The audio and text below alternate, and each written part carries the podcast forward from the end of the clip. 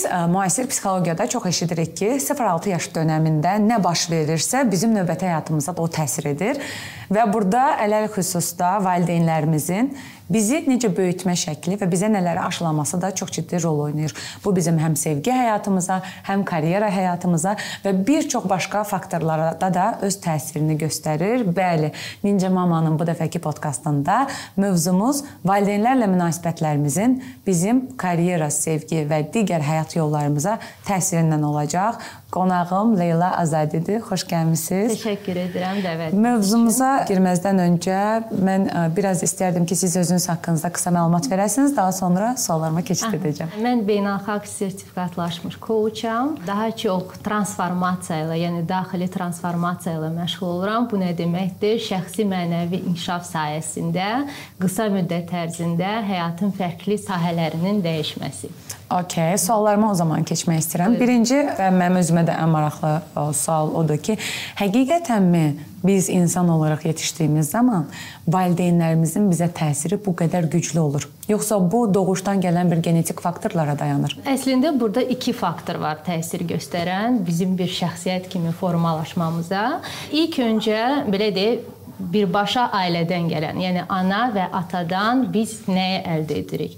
Ana və ata həyatımızda ilk gördüyümüz insanlardır və ilk olaraq sevgi haqqında, qayğı haqqında, diqqət haqqında məlumatları biz onlardan əldə edirik.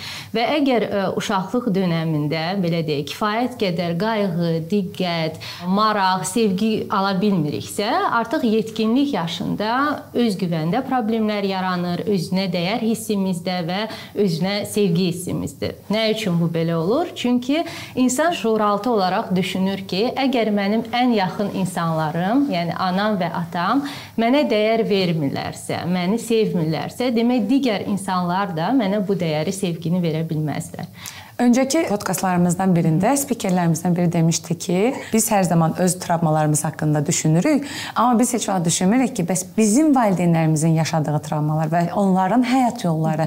Və bu istiqamətdən mənə çox maraqlıdır ki, biz bu prosesin hansı mərhələsində biz necə hər şeyin travma olduğunu görmə, görürük ya hər şeymi valideynlərdən gələn hər şeymi travmaya çevrilir. Çünki bəzən deyirlər ki, əslində travma ancaq pis şeylərdən baş vermir. Yaxşı şeylərdən də insan travma ala bilər və bu proses, yəni o qaynaşma prosesi necə baş verir ümumilikdə? Əslində belə deyim, travmanı bir çox insan səhv dəyərləndirir. Yəni travma dedikdə bu nəsə mənfi bir hadisə kimi dəyərləndirir. Əslində isə həyatda baş verən hadisələr mənfi və ya müsbət deyil. Bizim bu hadisələrə reaksiyamız mənfi və müsbətdir və əlbəttə ki, əgər e, biz müəyyən hallarda özümüzü daha pis hiss ediriksə, bu hadisəni biz mənfi dəyərləndiririk. Əslində həyatda hər bir şey e, travma deyil. Yəni e, daha çox mən bunu həyat təcrübəsi adlandırardım. Yəni burada da yenə əgər insan e, həyatında müsbət nəticələr istəyirsə, bir dəyişim istəyirsə və ya fərqli həyat sahələrində uğur qazanmaq istəyirsə, istəyirsə, bu istəyirsə bu çox vacib bir faktordur ki, həyatında baş verənləri sən necə dəyərləndirirsən. Və travma sizin sualınıza gəldikdə ki, travma nə dərəcədə mənfi bir faktordur. Əslində travma və ya belə desək, mənfi bir hadisə bu bizə inkişaf nöqtəmizi göstərir. Yəni əgər bu gün nə isə bizdə uğursuz alınırsa və ya hansısa addımımızda biz o arzuladığımız nəticəni əldə etmiriksə, biz bunu düşünə bilərik, hə, bu travmadır, bu bir yanaşmadır, mənfi dəyərləndirmə. Digər tərəfdən isə əslində bu insanın inkişaf nöqtəsidir. Yəni bu sizin bir çox mənfi cəhətlərinizi ortaya çıxara bilər, zəif cəhətlərinizi ortaya çıxara bilər, hansının ki üzərində siz işləyərək gələcəkdə daha da yaxşı nəticə əldə edə bilərsiniz. Belə bir hissə var ki, biz bayaq orada dedik ki, biz baxa bilərik ki, yaxşı, bu bizim pis tərəflərimizi üzə çıxa bilər və biz onun üzərində işləyə bilərik. Amma gəlin qəbul edək ki, bizim cəmiyyət cəmiyyətdə heç də hər kəs bu qədər analitik deyil. Hı -hı. Yəni bizim cəmiyyətdə hər kəs başqasını günahlandırmağa daha meyllidir, daha açıqdır. Yəni valideynlərimiz özəlliklə son dövrlərdə ətrafda və digər e, paylaşımlarda olsun, istər istər psixoloq və e, məsəl üçün Teta Hillerlərin çıxışlarında olsun və s. valideynlərin bir günahlandırılması var. Həqiqətənmi valideynlər bu qədər günahkardır? Əslində valideynlər günahkar deyil. Çünki ideal insan yoxdur və biz səhv etdiyimiz kimi valideynlərimiz də adi insanlardır, hansı ki səhv edə bilərlər. Və çox zaman bəli, insanlar valideynlərini günahlandırır ki, niyə mənim özgüvənim aşağıdır, niyə mən travma yaşamışam, niyə bu gün uğur qazana bilmirəm və s. Əslində bəli, o faktoru nəzərə almırlar ki, valideynlər də böyüdükləri mühiti seçməyiblər. Yəni onlar da müəyyən şərtlər içində böyüyüblər. Onlar da valideynlərini tam olaraq seçə bilməyiblər. Yəni valideynlərinin verdiyi tərbiyə və ya onların o dövrdə yaşadıklarını onlar idarə edə, edə bilməyiblər və ona görə onların da bu cür şəxsiyyət kimi formalaşmasında onların əslində günahı yoxdur. Düzdür, başqa bir faktor var ki, insan nə dərəcədə bunu dərk edib, bunun üzərində işləyə bilər. Amma sualım elə o olacaq. Bəli, yəni ki, e, var hal-hazırda adətən şəxsi mənəvi inkişafla məşğul olan e, insanlar ki, biraz şəxsi inkişafa başladıkdan sonra başlayırlar valideynlərini öyrətməyə ki, bax sən bunu səhv edirsən, bu kitabları oxumalısan, sən də inkişaf etməlisən, mənfi düşüncələrin olmasın, buna nəzarət edə və s. və o zaman qıcıqlanırlar ki, nə üçün axı yəni ki, mən mənəvi inkişafla məşğul oluram, anama bunu izah etmək istəyirəm, amma bu bunu istəmir. Yəni Hı -hı. bunu biraz mənfi dəyərləndirirlər. Əslində isə bu insanın şəxsi seçimidir. Yəni əgər siz bu gün inkişaf edirsinizsə, əgər siz bu gün öz üzərinizdə işləyirsinizsə, nə sizin partnyorunuzun, nə uşağınızın, nə də valideynlərinizin belə bir e, öhdəliyi yoxdur ki, onlar da sizə görə inkişaf etməlidirlər və bu travmanı həll etməlidirlər. Amma onun kökündə belə bir nüans durur ki, məsələn, inkişaf etmək istəyən insan, daha doğrusu inkişafda olan insan istəyir ki, ətrafındakı insanlarda bunun niyə olduğunu görür və deyir ki, mən inkişaf edirəm. Bunda bu boşluq buna görədir. O da inkişaf etsin. Yəni əslində bəzən e, biz özümüz də həyatımızda tutunma nöqtəsi axtarırıq ki, kimsə bizə yol göstərsin, kimsə bizə istiqamət versin. Bəlkə nəyisə həqiqətən yanlış edirik. Və elə olanda bu heç mi yaxşı deyil? Yəni seçimlərə sanki bəzən müdaxilə etmək kimi deyim, ya qarışmaqmı deyim. Yəni sanki ə, e, bəzən bunu etmək lazımdırmış kimi hiss edirəm. Yəni mən elə düşünürəm ən azından. Aha, burada sərhədlər haqqında danışa bilərik. Yəni e, siz öz fikrinizi paylaşa bilərsiniz. Siz insana digər reallığı göstərə bilərsiniz ki, bax sənin problemə baxışın budur, amma başqa bir reallıq da var sənin bilmədiyin. Amma siz o insanı məcbur edə bilmərsiniz və ya qınaya bilmərsiniz buna görə ki, niyə sən sən bunu etmirsən. Çünki insanın şuurunun inkişafı, mənəvi inkişafı fərqli səviyyədədir. Kimdəsə oyanış 18 yaşında ola bilər, kimdəsə 40 yaşında ola bilər. Bu son həftə e, bir pasiyentim var idi 65 yaşında. Yəni hər insan fərqli yaşda və fərqli həyat şəraitində o ana gəlir ki, hə hiss edir ki, yəni mən artıq nəyisə dəyişməyə hazıram. Mən bir də burada valideynlərlə münasibətimizdən danışarkən istəyirəm valideynlərlə toksik münasibəti olan insanlardan danışaq. Hər kəsin anlayacağı formada bir bəsit nümunə verəcəm ki, yeni evlənən bir qız ailəsinin içinə həddindən artıq çox anasını müdaxilə edir və evində nə baş verir, nə baş vermir və bu haqqında anasına məlumat ötürür. Bu eyni zamanda oğlan üçün də keçərlidir ki, evlənmiş bir fərd öz ailə qayğılarını, ailə problemlərini öz anası ilə danışır və təbii ki, burada belə bir əsas faktor var ki, o ana üçün kimin nə elədiyi önəmli deyil. Həmin anda özünün uşağının yaşadığı hisslərdir məyusluq hissi böyük bir əksəriyyətdə və yaxud da ki, peşmanlıq hissi və yaxud da ki, narahatlıq hissi. Və belə olan anda ilkin müdaxiləmi desəm, ilkin ə, belə deyək də ki, insan necə başa düşməlidir ki, bu düzgün deyil Yəni bu sağlam deyil, bu sağlam münasibət deyil ki, mən bunu edirəm və bunu necə başqa cür edə bilərəm? Ya da məsələn aldığım rəylərə əsasən ən çox çəkilən problemlərdən biri onlar oldu ki, necə anamı bu proseslərdən uzaq tuta bilərəm? Bu əslində belə deyim, e, ilk öncə fərqindəlik dərhal yaranmır. Yəni təsəvvür edin ki, bir ana öz övladını müəyyən bir şəraitdə böyüdür və adətən müdaxilə edən analar bu daha çox idarə edir, edən analardır, hansılar ki, e, daha çox belə deyərdim, həyat seçimləri vermirlər. Yəni övladının yerinə peşə seçimini edir, iş e, şəraitini müəyyənləşdirir və iş seçimini edir. Daha sonra ailə qurduqda məsləhət verir ki, yox bu insanla deyil, bu insanla e, münasibət qurmalısan və ya bu insanla ümumiyyətlə münasibət qurmamısan və s. Və təsəvvür edin ki, 25 il ərzində, məsəl üçün 30 il ərzində bu müdaxilə var. Bu müdaxilə olduğu zaman, yəni azadlıq olmadıqda seçim etməyə, insan artıq səhv etməyə qorxur. Yəni o formalaşan aşağı özgüvən istənilən qərarlarda, seçimlərdə artıq sizdə tərəddüd yaradır ki, birdən bunu edərəm və bu məndə e, və bu mənim səhvim olar. Yəni qoy bunu yenə də anamla məsləhətləşim ki, bu səhv edə bilməyim. Və bunu əslində dərhal anlamaq çətindir, amma nədən hiss etmək olar? Əgər siz müstəqil olaraq qərar qəbul edə bilmirsinizsə, daxili tərəddüdləriniz varsa, səhv etməkdən qorxursunuzsa, ümumiyyətlə addım atmaqdan qorxursunuzsa və hər zaman kiminsə məsləhətinə, kiminsə dəyərləndirilməsinə və ya kiminsə belə deyək, sizin qərarları təsdiqləməsinə belə ehtiyac duyursunuzsa, demək bu artıq burada bir boşluq var.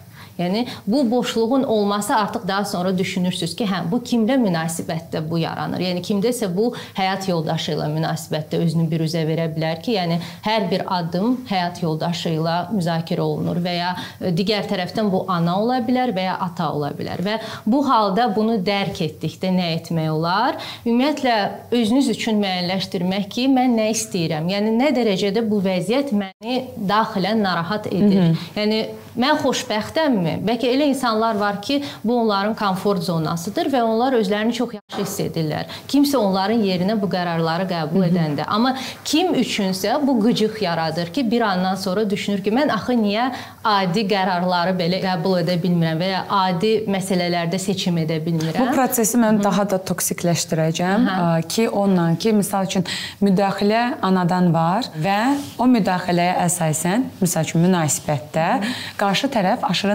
narazıdır.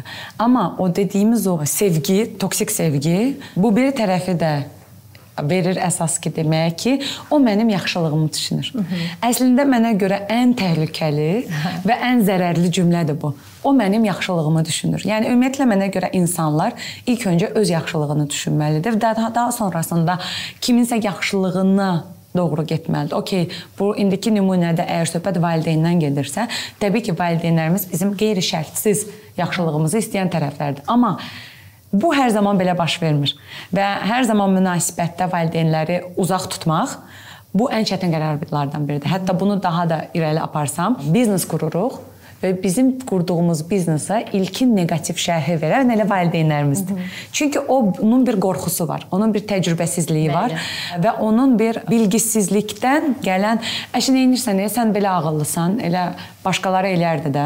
Bir dənə ağıllı sənsən, elə bunu eləyəcəksən və milyonlar qazanacaqsan, ya da bunu eləyəcəksən, sənin əlindən gəlib alacaqlar. Ya da nəyə lazımdır? Get dövlət işinə gir, 400-500 manatını al, başın sakit, rahat işləyirsən də özün üçün və s. və s. bu kimi müdaxilələr və gəlib orada bir yerdə baxmayaraq ki, yetişkin fərdlərdir, uşaqların uşaq deyəcəm mən artıq buna, çünki əgər buna valideyn müdaxilə edirsə, burada yetişkinlikdən söhbət gedə bilməz.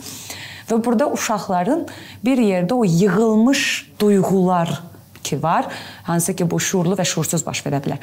Və onun partlayış anında mənə maraqlıdır ki, bir elə deyək də coach olaraq Bu prosesin idarə edilməsinin püf nöqtəsi nədir? İlk öncə sərhədlərdən başlamaq. Yəni bu çox vacibdir və bu mütləq hansısa çox emosional bir formada, münaqişə formasında olmalı deyil. Yəni əgər siz hansısa bir söhbətdə valideynlə hiss edirsiniz ki, o sizə hansısa misal üçün məsləhət verir və ya göstəriş verir və e, siz bu göstərişlə, məsləhətlə razı deyilsiniz, sizin hər zaman öz fikrinizi bildirmə imkanınız var. Çünki əslində öncə qeyd etdiyim mühitdə böyüyən uşaqlara belə öz mövqelərini bildirmək elə də asan deyil. Yəni çox zaman susub daha çox daxilən bu emosiyaları yaşamağa insan meyllidir.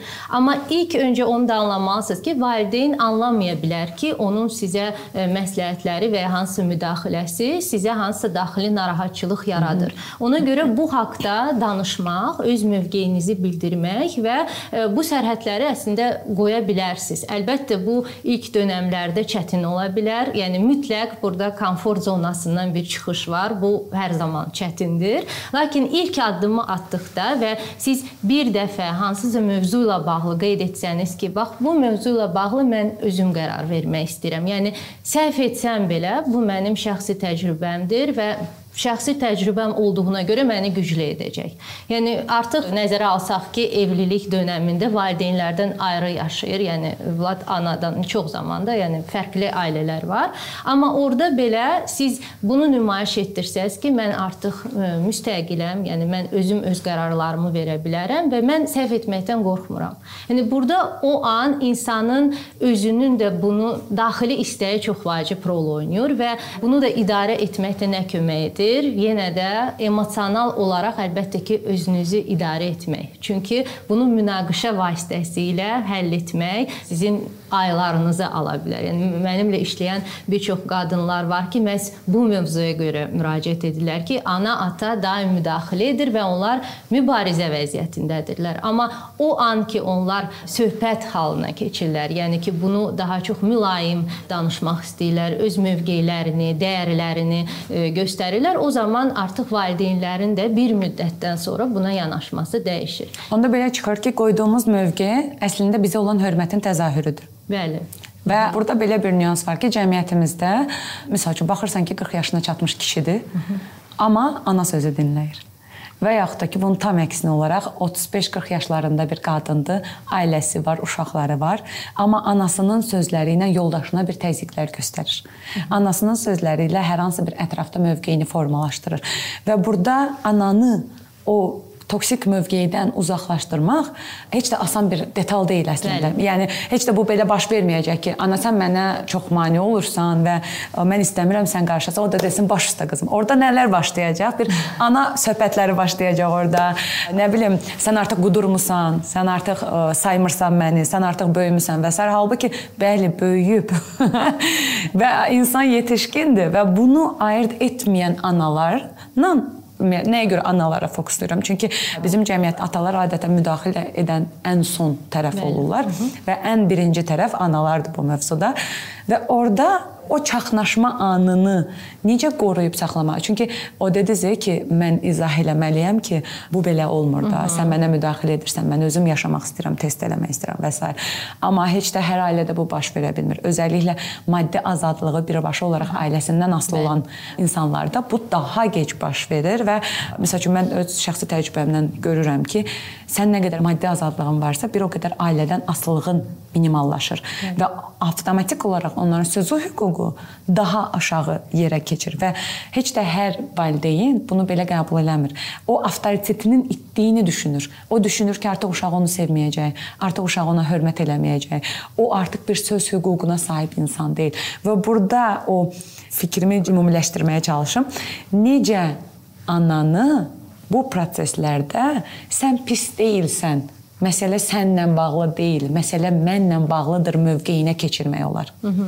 Əslində belə deyim, istənilən halda bu vəziyyətdən çıxmaq hər zaman münaqişə yaradacaq. Yəni təsəvvür edin ki, idarə edən ana üçün avtoriteti önəmli olduğuna görə bu elə də asan qəbul edilən bir faktor deyil. Ona görə o an e, ümumiyyətlə insan bu addımı atanda da özü də bir müəyyən tərəddüdlərlə üzləşir, e, narahat olur və s. həyəcanlanır e, və bu an anlamaq vacibdir ki, mənim həqiqi istəklərim nədir? Yəni ki, prioritet hardadır? Həqiqi istəklərdə, yox anamın istədiyində və ya mənim istədiyimdə. Yəni nə dərəcədə bizim istəklərimiz, dəyərlərimiz bir-birinə uyğundur və əgər burada bir fərq varsa, bunu yenə də anaya bilirsiniz necə? Bunu yenə də izah etmək lazımdır anaya ki, mənim sevgim sənə, mənə hörmətim, sənə dəyərim mənim atdığım addımlardan və müstəqilliyimdən asılı deyil. Yəni mən müstəqil olacağamsa, mən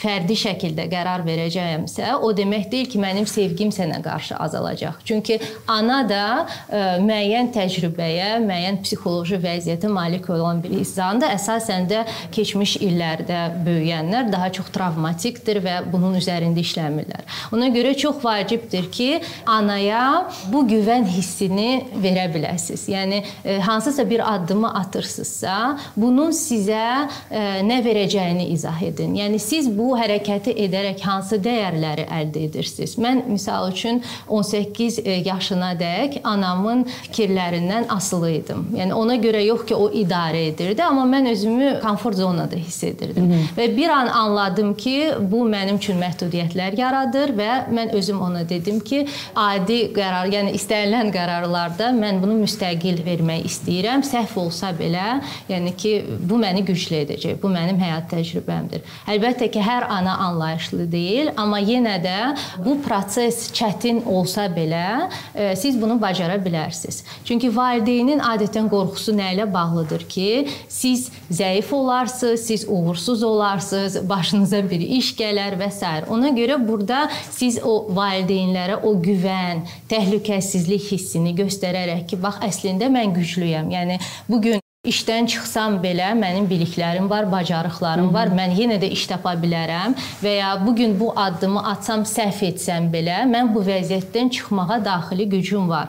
Və valideyn o gücü sizdə görsə, əslində onun narahatçılığı da azalır, qorxuları da azalır və s. Podkastımızın sonuna doğru mən istərdim ki, hal-hazırda müəyyən bir çətinliklərə görə valideynlərindən tam aslı insanların baxmayaraq ki, onun maddi azadlığı var Baxmayaraq ki, onun öz ailəsi var, amma müəyyən bir faktorlara görə, məsəl üçün özünü günahkar hiss etmə, özünü borclu hiss etmə, bu bizim cəmiyyətə çox xarakter bir özəllikdir əslində. Hər kəsin özünü valideyninə borclu hiss etməsi. Onlara dəyişimi üçün nə kimi istiqamət verə bilərsiniz? Çünki bu tövsiyədən daha çox istiqamət olacaq ki, məsəl üçün o insan axtarışdadır.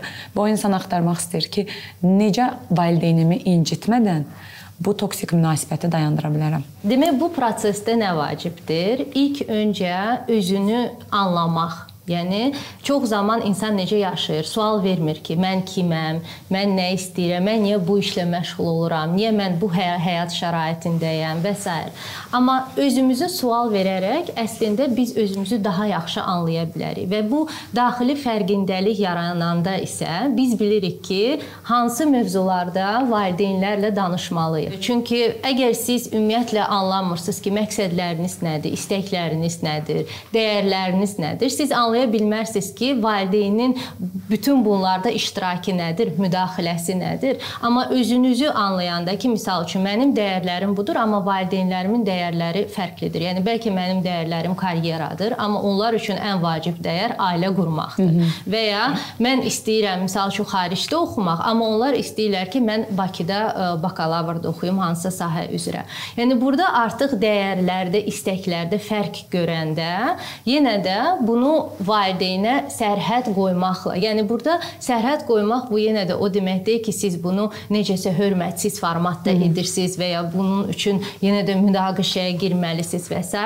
Amma burada o fərqindəlik ki yaranır, o fərqi onlara göstərməkdir. Çünki onlar da böyüdüyü mühitdə onların dəyərləri fərqli olub, onların istəkləri, maraqları fərqli olub və onlar yeni reallıqda nəyin -hı. önəmli olmasını, sizin üçün nəyin önəmli olmasını tam hiss hiss etməyə, bilməyə bilərlər. Buna görə siz bunları onlara izah etdikdə ki, bax sizin istəkləriniz budur, amma mən özümü xoşbəxt hiss edirəm bu işi görəndə. Hı -hı. Mən əminəm ki, hər bir valideyn öz övladının xoşbəxt olmasını istəyər və əgər görür ki, sizin bu iş etməniz misal üçün sizi xoşbəxt etmirsə, sizi məyus edirsə və ya e, sizin dəyərləriniz tam fərqlidir, sizin maraqlarınız onlardan fərqlidir, əgər siz bunu məlumat olaraq, bir dəyər olaraq onlara ötürə bilsəniz, əslində bu ayrılma elə də toksik olmayacaq. Hı -hı. Amma çox zaman insan üstünlük verir ümumiyyətlə bu haqqda susmağa və ya sadəcə misal üçün valideyn deyir ki, bunu et və onlar deyirlər ki, etmirik. Yəni bunu necəsə sakit sakit formada edirlər. Ona görə də bu valideyndə narazıçılıq yaradır, münaqişə yaradır və s. və ya bunu e, çox e, fərqli üsullarla deyirlər. Amma bunu danışmaq. Yəni danışmaq çox vacib bir faktordur, hansı ki, ümumiyyətlə bizim cəmiyyətdə çox istifadə edilmir. Ya ailədə, e, həyat yoldaşları arasında, yəni mən səndən küsmüşəm, amma sən özün Bunu 3-cü, 4-cü tərəflər biləcək, amma küsdüyümüz adam yəni bilməyəcək. Yəni ki, sən özün fikirləşməlisən ki, mən niyə səndən Eynən. küsmüşəm. Yəni valideyn münasibəti münasibətləri də bütün münasibətlərdə olduğu kimi dürüstlük tələb edir, ünsiyyət tələb edir və ə, əlbəttə ki, qarşılıqlı hörmət. Çünki valideynləri günahlandırmaq olmaz ki, onlar fərqli düşünür və ya onlar bəlkə sizi dəstəkləmir. Yəni bu hamısı çox vacib faktorlardır. Çox təşəkkür edirəm sizə. Belə dostlar, əgər mövzu ilə bağlı fikirləriniz və şəxsi təcrübələriniz varsa, Rəy bölməsində onları bizimlə paylaşa bilərsiniz. Ninja Mama podkastına dəstək olmaq üçün isə aşağıda məzmun hissəsindəki linkdən, yəni Kofe Aldan bir kofe ismarlayaraq bunu edə bilərsiniz. Növbəti Ninja Mama podkastlarında görüşərik. Hələlik özünüzə yaxşı baxın.